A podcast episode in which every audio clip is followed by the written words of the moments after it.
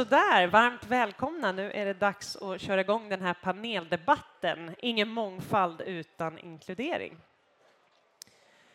Många tror att mångfald skapar innovation och ökad lönsamhet. Men vet ni vad? Det stämmer inte. Enbart mångfald räcker inte.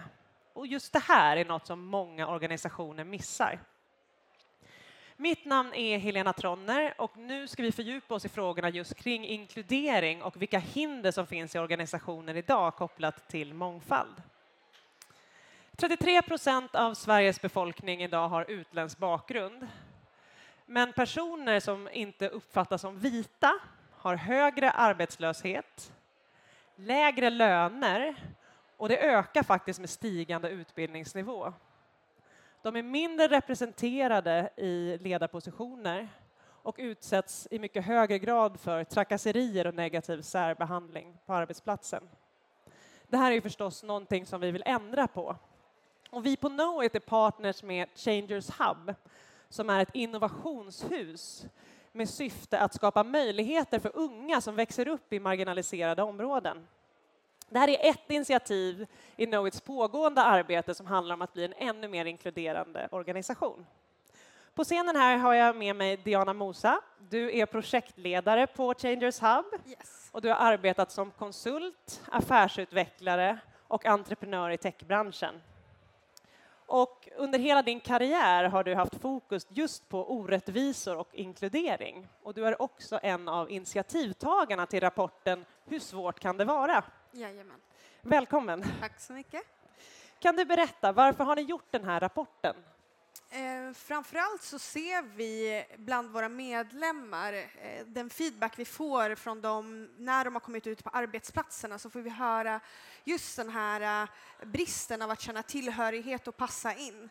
Vi märker också när vi kollar på arbetsplatser hur folk eh, förflyttar sig mellan arbetsplatser för att man inte känner att Eh, en känsla av att passa in. Ehm, så det är liksom både från medlemmarnas håll som vi har valt att fokusera på det här, egna erfarenheter som vi kommer att prata lite mer, mer om sen, men sen också problematiken som vi hör från arbetsmarknaden. Tack. Gabriella Olofsson, du arbetar också med Changers Hub och har engagerat dig i frågorna just kring osynliga hinder och exkludering i samhället och du arbetar bland annat med utvärderingar inom social hållbarhet. Välkommen till dig också. Tack. Kan du berätta varför de här frågorna är viktiga för dig? Därför att jag har eh, genom många års eh, arbete på, på det här området med social hållbarhet och, och delaktighet och inflytande sett att, att människor eh, som inte är en del av majoritetssamhället och, och liksom en del av den dominerande problemformuleringen i samhället Eh, blir inte hörda, får inte komma fram med sina perspektiv och, och de perspektiven och erfarenheterna som gör det möjligt att eh, göra andra typer av problemformuleringar och hitta andra typer av lösningar. Det är där jag tror att framtiden ligger för att komma till rätta med, med det segregerade samhället och den segregerade staden. Mm. Och har du upplevt några hinder när du jobbar med de här frågorna utifrån att du själv faktiskt är vit?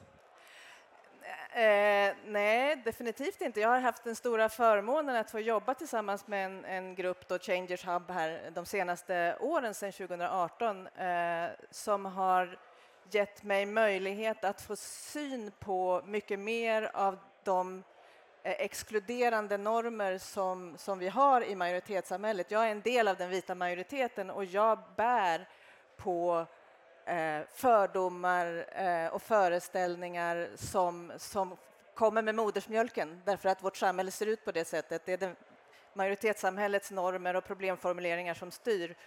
Och att ha blivit utmanad i det hela tiden och få hitta förklaringar till det där som, som kommer med ryggmärg, med min reptilhjärna. Alltså, jag har också fördomar som, som finns inom mig som jag behöver förstå.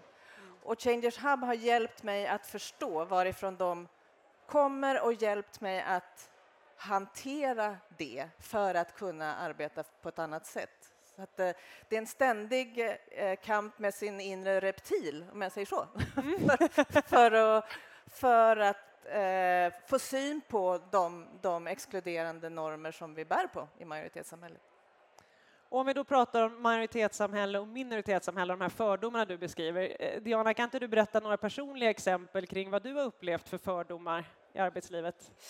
Eh, framförallt så har det varit när man har kommit in i större rum där folk på högre nivå har befunnit sig och även om jag kanske har varit en initiativtagaren till mötet så märker jag och leder själva mötet så har jag märkt flera gånger hur man inte vänder sig mot mig och tilltalar mig utan vänder sig kanske till mina manliga kollegor eh, när det själva verket är jag som står längst fram.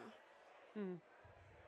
Det är ett väldigt, väldigt tydligt exempel. Om vi skulle lyfta blicken lite och se de övergripande problemen som vi möter idag på arbetsmarknaden. Gabriella, vad har du för exempel du vill lyfta upp som du tycker är viktigt att organisationer känner till?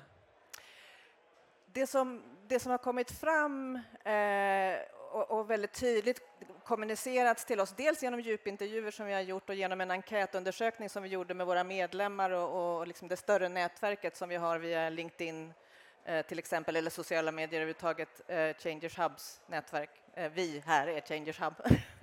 Eh, så är det ehm, den här att, att, behöva ah, kämpa mycket hårdare för att bli eh, accepterad och respekterad för sin kompetens eh, på en kvalificerad arbetsplats. Eh, och att, att ofta bli bemött av människor som inte vet vem du är på arbetsplatsen som om du eh, är städaren eller, eller eh, du vet, har hand om kaffemaskinen eller, eller har en, en, en okvalificerad arbetsuppgift. Den, det bemötandet eh, är, är väldigt eh, tufft att ständigt ha beredskap för och det tycker jag har varit eh, en av de viktigaste liksom, in, eh, den viktigaste informationen, berättelserna som har kommit till oss genom vår undersökning. Mm. Diana, vill du fylla på med exempel från rapporten? Ja, absolut. Vi har ju lite siffror som vi har kommit fram till, men det, en av dem är just att 70 procent som rasifieras eh, eller identifierar sig som själv, själva som rasifierade upplever också att de inte blir mötta som att de är kompetenta nog. Eh, det var någon som kommenterade att eh, Eh, de alltid blir, eh, när man kommer in som ny på arbetsplatsen, ofta får frågan vart kommer du ifrån snarare än om man får höra frågor om, om, sin kompetens och vad man kan tillföra. Mm. Nu nämnde du ordet rasifiering och ras är ju lite sådär känsligt ord för många svenskar. Eh, vad betyder rasifiering? Kan du förenkla det och förklara det? Så uh, hur skulle du säga? Du har en, en, en som alltså, ra rasifiering, nu, nu, kommer vi in lite grann på akademiska Exakt. begrepp uh, och det, det, finns liksom uh, en, en forskningssfär eller, som, som växer fram i Sverige som handlar om postkoloniala studier, som handlar om, om vithetsstudier för att synliggöra makthierarkier mellan olika grupper i samhället och där vi liksom lever med den här just postkoloniala för, Eh, verkligheten av att den vita västerländska personen är, är intelligent, eh, rationell, eh, den vita, liksom det vita är skön, skönheten sitter i den vita hudfärgen. Mm. Och det här lever vi med allihopa och att, rasif att, att rasifieras har eh, blivit ett, ett begrepp för att förstå hur vi hur omvärlden betraktar, hur vi tittar på varandra. Eh, en person som ser mig tänker jag rasifieras som vit, självklart, och därmed så har jag också ett maktutrymme i samhället eh, som, som den som rasifieras som, som eh, kanske från ja, Mellanöstern, Mellanöstern i ditt fall de... och, och ja, från, från eh, Latinamerika eller Afrika mm. eller so, som same till exempel om vi tittar på de svenska minoriteterna. Så alla rasifieras eh, eh, och, det, och, och, det är därifrån begreppet ras då har liksom plockats upp igen för att synliggöra de här makthierarkierna. Inte för att vi tror på den biologiska rasismen utan för att det förklarar makthierarkier i samhället där man, den vita ra, rasen då är, är förlåt, högst. När man placeras i fack ut efter de förväntningarna som ställs på en. Mm. Utifrån ens ras. Och fördomar. Ja. Mm. Precis. Eh, vad tänker ni att det här beror på, de här exemplen som ni tog upp, att man exkluderas, man får inte sin röst hörd, eh, att man måste jobba hårdare, man förväntas prestera sämre och så vidare. Vad tänker du, Diana? Jag tänker mest på ingrodda fördomar som vi har och kanske omedvetna mönster som vi har inbyggda i oss. Eh, och det är framförallt där problemet ligger. Och genom att prata om det så som vi försöker göra i den här rapporten, synliggöra den problematiken och strukturen, så har vi också möjlighet att kunna prata om problematiken och göra någonting åt det. Eh, det är mycket sånt som man kanske säger på arbetsplatsen till sina eh, kollegor som eh, identifierar sig själva som rasifierade eh, som kan vara problematiska men man själv inte tänker så mycket på det. Bara den här frågan eh, där man börjar ifrågasätta om matlådan kan vara eh, ett sätt att eh, ja, skapa en skillnad mellan dig och mig. Mm. Eh, Gabriella, vad tycker du är särskilt jobbigt att hantera med de här frågorna? Oförmågan eller kanske oviljan att, att vilja acceptera att vi bär på de här fördomarna som, som, som vit majoritetsbefolkning. Vi måste, för att kunna hantera det här så måste vi börja med att få syn på oss själva. Och, och som jag beskrev tidigare så, har jag, så, så jobbar jag med det hela tiden. Fast att jag jobbar med de här frågorna och är väl medveten om dem så finns de där. Och att förstå att de gör det och att acceptera det för att kunna hantera dem och, och, och, och arbeta mot eh, en, en, liksom, inkl, en, en, riktig inkludering. Eh, att förstå våra exkluderande normer för att inkludering ska kunna äga rum på riktigt. Det är, det är det svåraste och det viktigaste. Och den här salen skulle egentligen ha behövt vara full av, av eh, folk från, vita majoritets, från den vita majoriteten för att liksom lyssna in det här, men de, de, de är inte det. Och det är ett av problemen. Hur, hur ska vi komma ut med det? Hur, och hur ser insikterna ut kopplat till det här som Gabriella beskriver, skulle du säga? Du tänker kring? Generellt i samhället, hur medvetna är vi om att vitheten är en norm, att det finns en maktstruktur? Jag skulle nog säga att vi i det svenska samhället är väldigt PK och vill, eh, ja, utifrån det som står in the book, så är vi väl pålästa. Men när vi väl kommer till det osynliga så vi, så är det väldigt svårt för oss att greppa, för att man hamnar väldigt lätt, och det tar vi också upp i rapporten, väldigt lätt i det här, men det var inte meningen det var inte det jag tänkte eh, på. Och, och, redan där, om någon som identifierar sig som rasifierad lyfter fram en sak som att det här var inte okej okay, och, och bemöts av det, redan där avväpnas hela diskussionen och man kan inte bemöta orättvisan som man kanske ställs inför. Mm. Om ni skulle sätta en siffra från 1 till 10, hur långt har de flesta organisationer kommit vad gäller mångfald? Vi börjar med dig. Alltså det är egentligen svårt för oss att svara på, för Changers Hub jobbar inte med, med just den här liksom kunskapsutvecklingen och stödet för, till organisationer att, att växa och, och, och förstå det här och hantera det. Eh, så att jag får ju basera mig på vad andra har sagt i så fall. Eh, och, eh, ja, det finns ju några un lysande undantag. Eh, och det intressanta är att de lysande undantagen är oftast de som inte säger någonting om hur duktiga de är på på mångfald. Mm. De gör det och sen så småningom så kommer det att visa sig. Det, som, det finns ett talesätt, tomma tunnor skramlar mest och oftast där som, som det behövs göras mest, där det verkar finnas störst mångfald, är att man ser det på bild. Liksom. Mm. Vad är det för fördomar du möter när du pratar med organisationer? Um, med organisationer i form av att jag jobba med dem, eller hur tänkte du? Mm. Ja. Nej, men framförallt att, eh, att jag inte kan, att jag inte är duktig nog. Och jag har ständigt eh, haft känslan att jag alltid måste prestera mer för att någon ska se mig. Och jag är med, väl medveten om att det har absolut med olika faktorer. Och det kan ha med min ålder, kön att göra. Men en annan grej som vi inte pratar om är just att jag ser annorlunda ut. Jag, kommer, jag har en annan bakgrund än eh, ja, men, majoritetssamhället. Och det tror jag också tar med sig olika eh, fördomar som de bär med sig och bemöter mig med. Mm.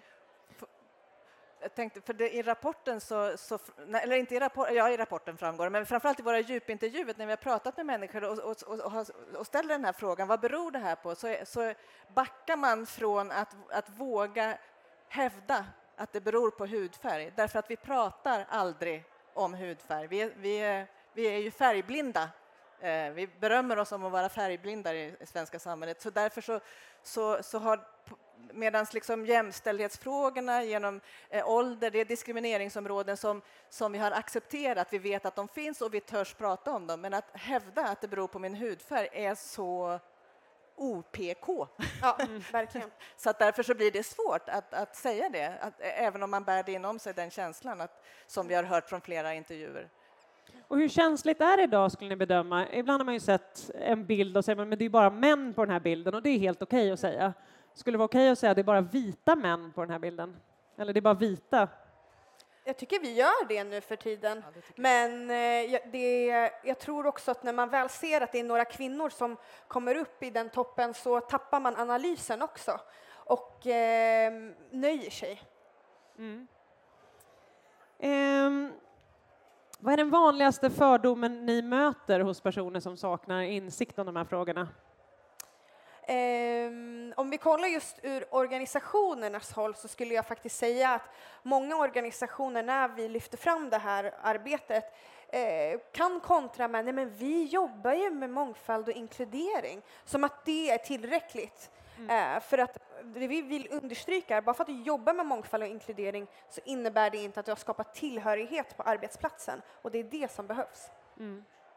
Hur vet man att man har lyckats då? Om ni tänker en organisation som är långt fram, framme, som kanske inte pratar så mycket om det då, som ni nämnde. Hur vet man att man har nått dit? Vad är det för tecken? Fråga dina medarbetare. det är ett bra, ett bra steg. Och kolla på eh, personalomsättningen. Mm. Vad är det som händer om du har en hög personalomsättning? Då innebär det att det finns någonting på arbetsplatsen som indikerar på att folk inte trivs och rör sig mot andra arbetsplatser. Mm. Och, och, ett sätt att, att uh, få bättre kunskap om det är att till exempel uh, ha det så kallad jämlikhetsdata, det vill säga att du gör enkäter med din, med din personal där man faktiskt också får lov att definiera sig själv, vad man, vad man upplever sig själv vara. Det är en självdefinition som man måste få göra. Uh, och sen om du kan liksom koppla, man, det krävs ju att man är en tillräckligt stor arbetsplats naturligtvis för att kunna koppla olika erfarenheter på arbetsplatsen till Eh, den man definierar sig eller identifierar sig som mm. eh, ger en bild av hur det ser ut och det kan också eh, ge information av kompetenstapp eh, eller perspektivtapp eh, om många med den här bakgrunden faktiskt successivt lämnar företaget eller arbetsplatsen. Mm. Så ger det en bild av, av någonting som, som inte fungerar helt enkelt. Och vi började med att säga lite kaxigt att bara mångfald räcker inte, man behöver fler ingredienser. Du är inne här på mätning och det är något som ofta debatteras. Det är så svårt att mäta mångfald. Hur ska vi mäta? Vad är viktigt om man vill mäta mångfald? Vad tänker du, Diana? Um, det är först och främst så tycker jag att det är viktigt att när man går in i det, jag tycker att eftersom vi är så PK i samhället att vi vågar inte benämna saker som, för vad de är.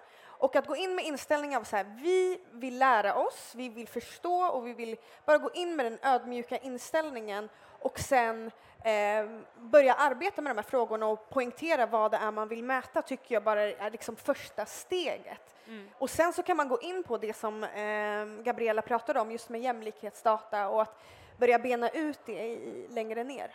Mm. Och jag tänker att det är en, det är en uh, felställd fråga.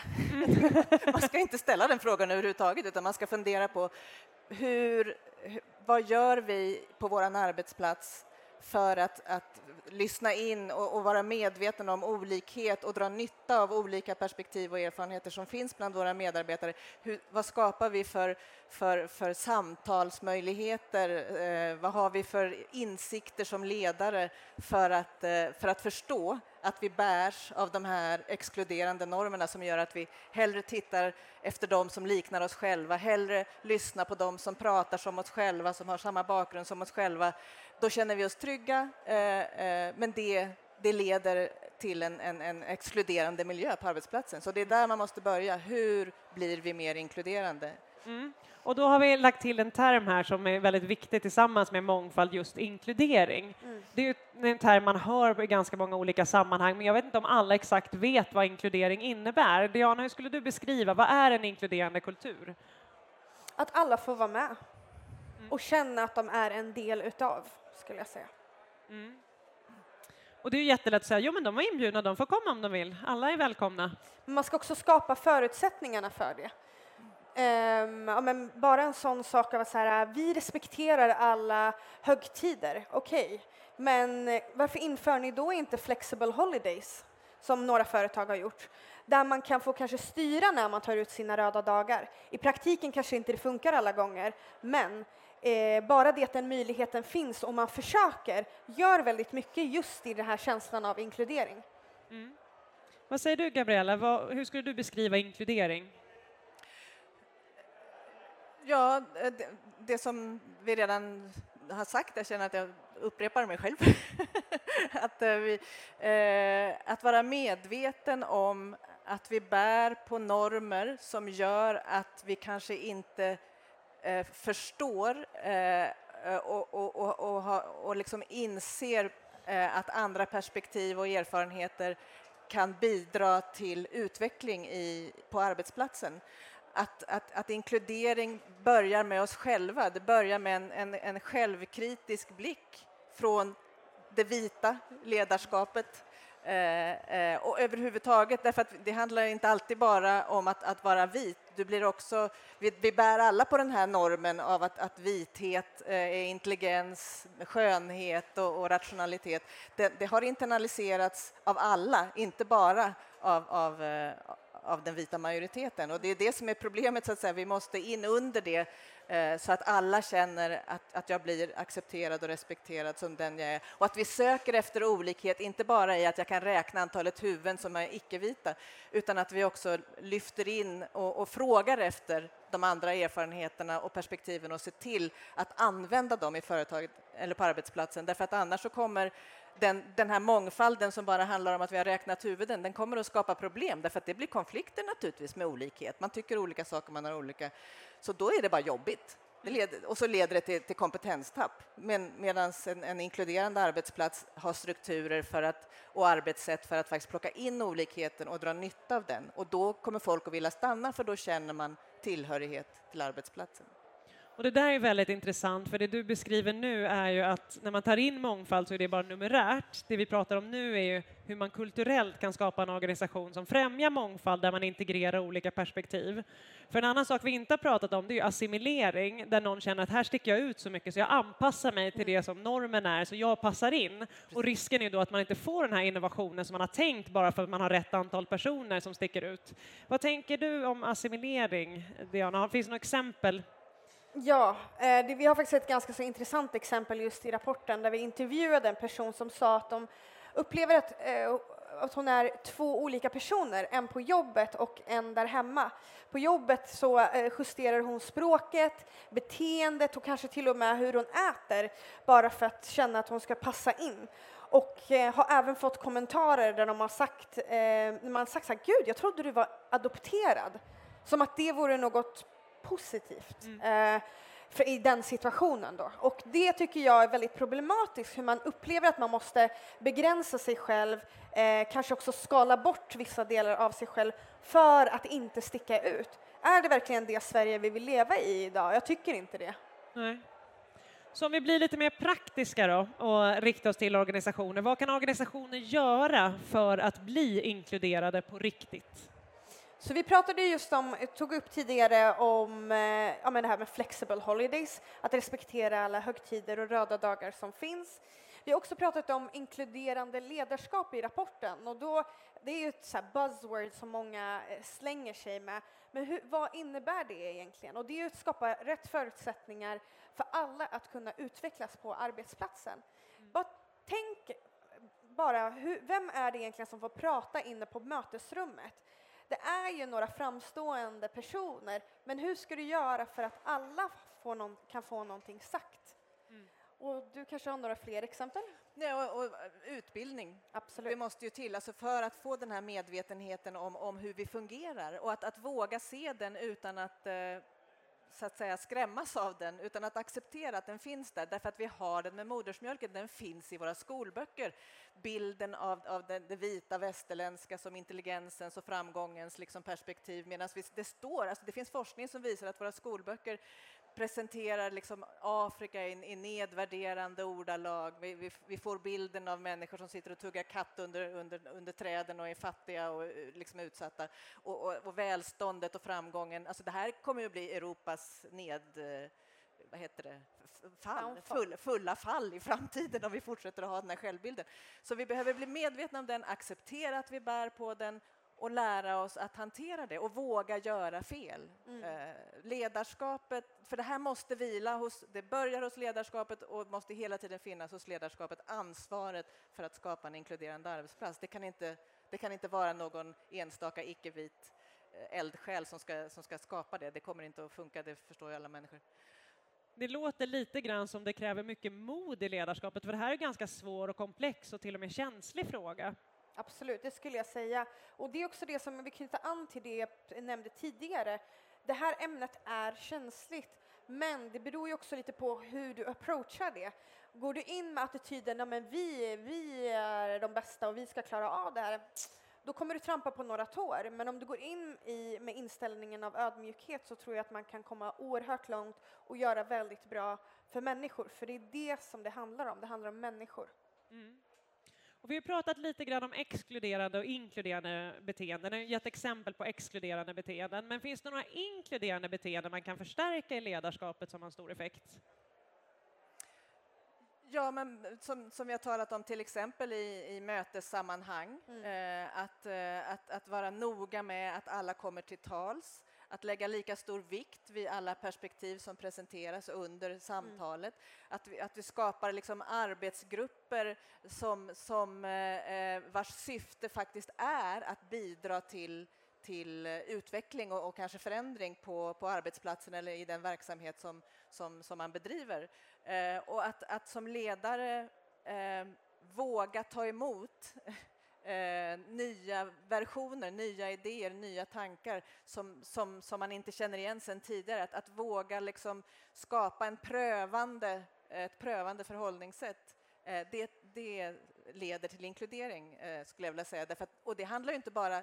Det gäller ju alla. Vi har ju många olika perspektiv på en arbetsplats, eller perspektivrepresentanter på en arbetsplats. Det handlar inte bara naturligtvis om, om icke-vit hudfärg. Det finns, finns massor med perspektiv som behöver, som, som vars, vars erfarenheter eh, är värdefulla i en, i en verksamhetsutveckling och att hitta, skapa formerna som möjliggör det och att, att se till att alla är med på den resan.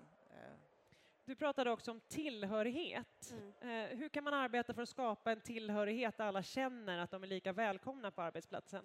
Eh, jag skulle säga, just om spinna vidare lite på det där, en grej som jag tycker är väldigt viktig är att som ledare också göra det tydligt i om du vill ta det här steget i din karriär så ska du, eh, behöver du åstadkomma X, Y, Z.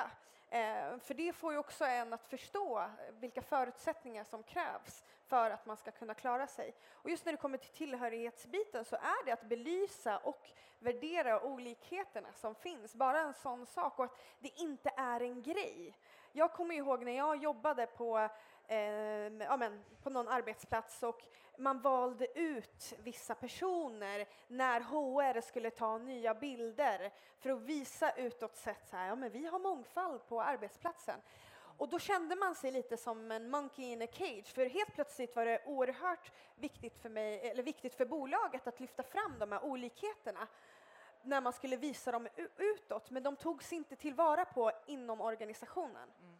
En annan grej är det här som, som vi alla känner till redan, att avidentifiera ansökningar. Mm. Och det är naturligtvis jätteviktigt, men det finns fortfarande en problematik i det om vi liksom letar efter det bekanta ändå eh, i, i ansökningen och plockar det vi känner igen för det känns tryggt, eh, så misslyckas vi ju i alla fall om vi återigen inte förstår eh, hur vi själva begränsar oss genom, genom att, att, bara söka efter det bekanta och, och det som liknar oss själva.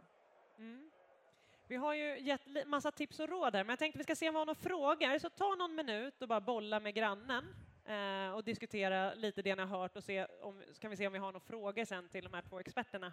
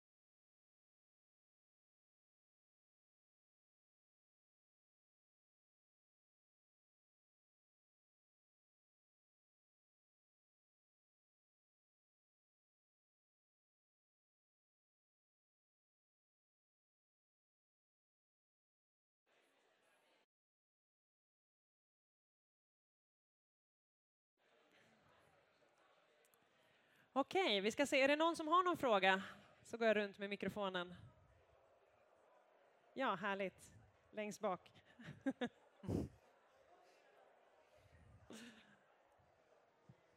Ja men hej, eh, Majs ringer från Knowit. Vi jobbar ju mer på, på Changers Hub och jag tycker det är spännande det här med jämlikhetsdata som ni var innan, inne på.